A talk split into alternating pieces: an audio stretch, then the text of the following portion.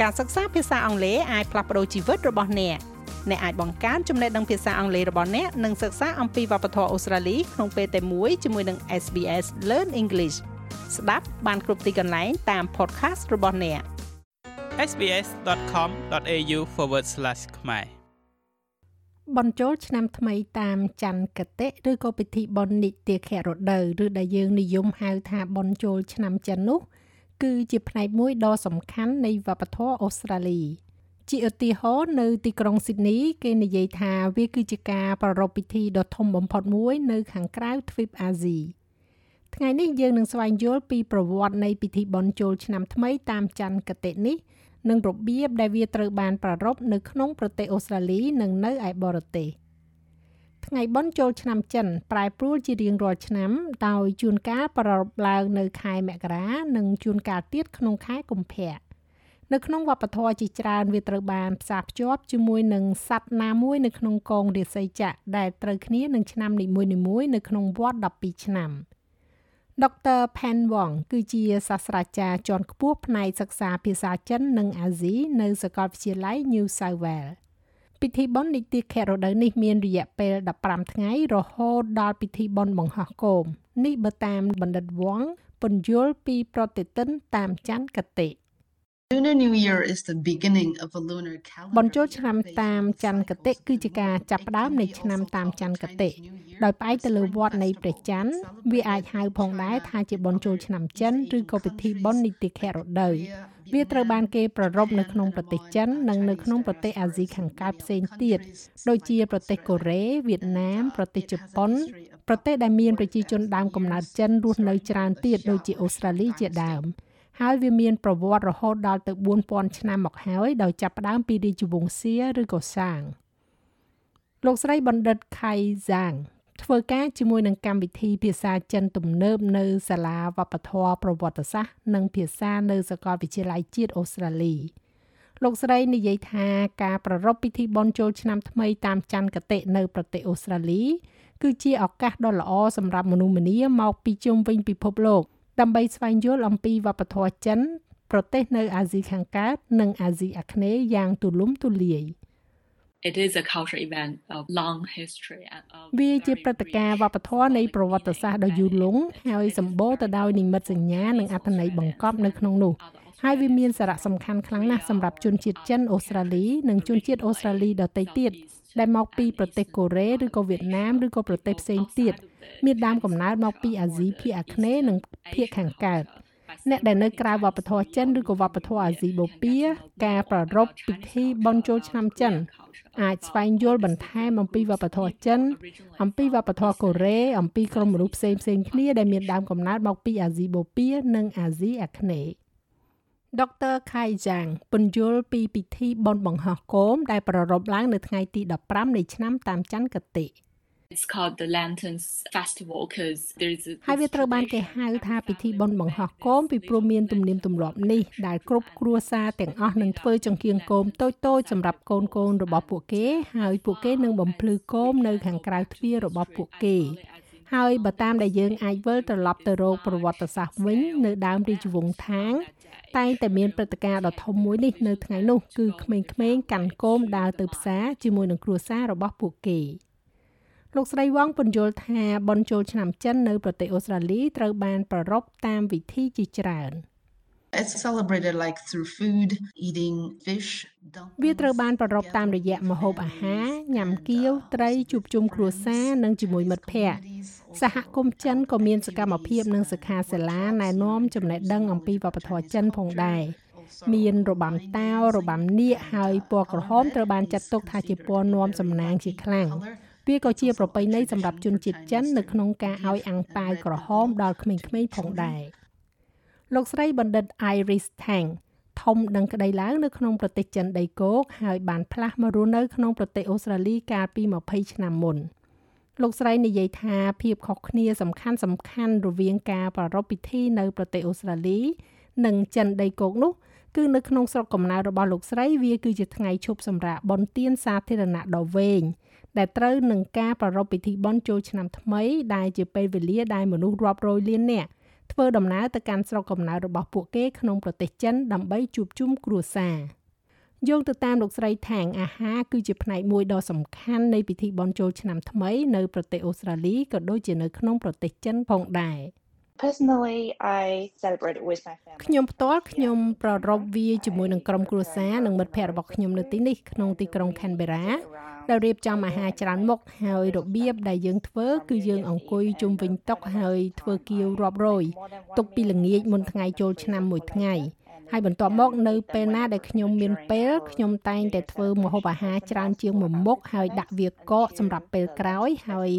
អ្នកអាចទទួលទានវានៅពេលណាក៏បាននៅក្នុងអំឡុងពេលប្រារព្ធពិធីបុណ្យចូលឆ្នាំថ្មីនេះដែលជាញឹកញាប់គឺវាទុកបានសម្រាប់រយៈពេល15ថ្ងៃ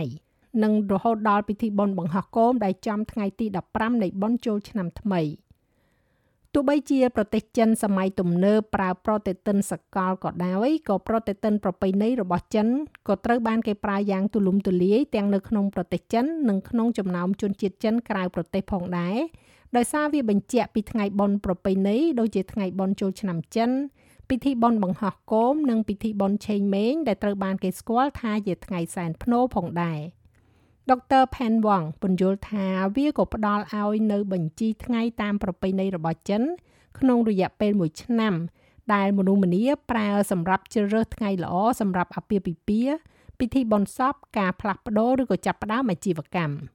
The Chinese traditional calendar is ប្រតិទិនប្រពៃណីរបស់ចិនគឺតាមច័ន្ទគតិនិងសូរ្យគតិវាត្រូវបានបង្កើតឡើងនៅលើចលនានៃព្រះច័ន្ទនិងព្រះអាទិត្យ ដូច្នេះវាត្រូវគិតពីគន្លងរបស់ព្រះច័ន្ទដើរជុំវិញផែនដីនិងគន្លងផែនដីជុំវិញព្រះអាទិត្យដូច្នេះនៅក្នុងប្រតិទិននេះការចាប់ផ្ដើមនៃខែត្រូវបានកំណត់ដោយគន្លងនៃព្រះច័ន្ទដោយនៅក្នុងប្រតិទិនតាមច័ន្ទគតិភាគច្រើន គឺមួយខែមាន29ឬ30ថ្ងៃហើយការចាប់ផ្ដើមនៃឆ្នាំត្រូវបានកំណត់ដោយឆ្នាំសូរ្យគតិការប្រែប្រួលនៃប្រតិទិនចិនអាចត្រូវបានគេប្រើប្រាស់នៅទូទាំងអាស៊ីបូព៌ា ជារៀងរាល់ឆ្នាំថ្ងៃបុណ្យចូលឆ្នាំថ្មីអាចចំខែមករាឬក៏ខែកុម្ភៈលោកស្រី Pan Wong ពន្យល់ It is in between end of January to mid February this range. វាគឺនៅចន្លោះចុងខែមករាដល់ពាក់កណ្ដាលខែកុម្ភៈក្នុងអំឡុងពេលនោះដូច្នេះខែណាក៏ដោយខែដំបូងតាមច័ន្ទគតិគឺជាការចាប់ផ្ដើមនៃនីតិខៈរដូវហើយពិធីបុណ្យនីតិខៈរដូវនេះត្រូវបានប្រារព្ធឡើងនៅថ្ងៃជាក់លាក់នោះ ប្រសិនបើអ្នកក្រឡេកមើលភាពខុសគ្នារវាង ប្រតិទិនតាមច័ន្ទគតិនិងប្រតិទិន Gregorian ប្រតិទិន Gregorian គឺជាប្រតិទិនសូរ្យគតិវាជាប្រតិទិនគ្រីស្ទៀនដោយផ្អែកទៅលើទីតាំងនៃព្រះអាទិត្យជាមូលដ្ឋានតាក់ទងទៅនឹងផ្កាយលោកបណ្ឌិត Craig Smith គឺជាសាស្ត្រាចារ្យជាន់ខ្ពស់ផ្នែកសិក្សាការបកប្រែភាសាចិននៅវិទ្យាស្ថានអាស៊ីនៃសាកលវិទ្យាល័យ Melbourne លោកបានរស់នៅតៃវ៉ាន់និងកូរ៉េខាងត្បូងអស់រយៈពេល2-3ឆ្នាំហើយក៏មានការចងចាំដ៏អស្ចារ្យមួយចំនួននៃការប្រារព្ធពិធីបុណ្យចូលឆ្នាំថ្មីនៅកន្លែងទាំងពីរនេះលោកបណ្ឌិត Smith និយាយថានៅប្រទេសកូរ៉េខាងត្បូងបុណ្យចូលឆ្នាំថ្មីគឺជាពេលវេលាត្រូវគោរពដល់ដូនតា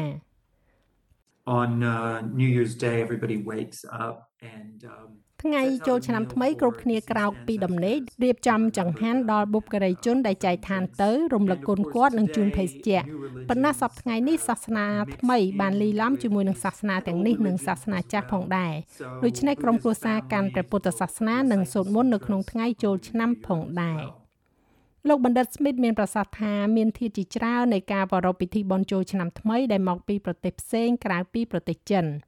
ជាឧទាហរណ៍នេះគឺជាករណីរំរបាំតាវដែលត្រូវបានគេបង្ហាញជាប្រពៃណីក្នុងពេលក្បួនដង្ហែបុណ្យចូលឆ្នាំ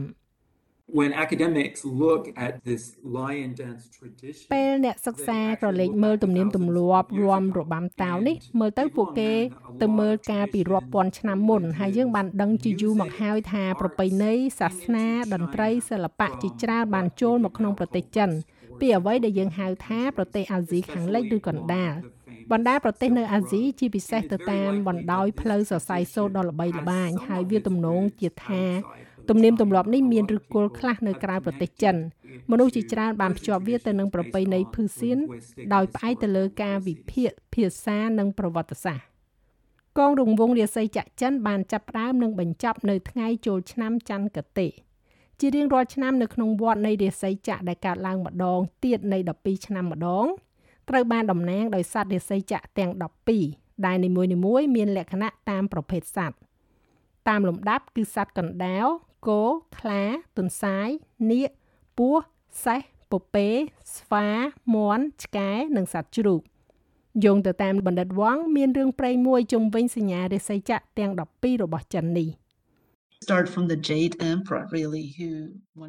វាផ្ដើមចេញពីអធិរាជ Jade Emperor ដែលចង់ធ្វើការកោះប្រជុំមួយ ហើយបន្ទាប់មកមានសត្វចំនួន12ដែលកំពុងព្យាយាមប្រកួតប្រជែងគ្នា ហើយពួកគេកំពុងព្យាយាមចូលទៅទីនោះ ហើយបន្ទាប់មកសត្វណាដែលចូលបានទៅមុនគេ ដូចជាសត្វទី1គឺសត្វកណ្ដោ និងទី2គឺជាសត្វគោហើយទី3ទី4រហូតដល់ទី12គឺអាស្រ័យទៅលើសត្វណាដែលបានទៅដល់កន្លែងប្រជុំនោះ ដូច្នេះវាតកតងទៅនឹងរឿងព្រេងនិទាននេះចាស់ឲ្យរបាយការណ៍នេះចងក្រងឡើងដោយ Chiara Pazano និងប្រែសម្រួលសម្រាប់ការផ្សាយរបស់ SPS ខ្មែរដោយនាងខ្ញុំហៃសុផារ៉ានីចូលចិត្តអ្វីដែលអ្នកស្ដាប់នេះទេ Subscribe SBS ខ្មែរនៅលើ Podcast Player ដែលលោកអ្នកចូលចិត្ត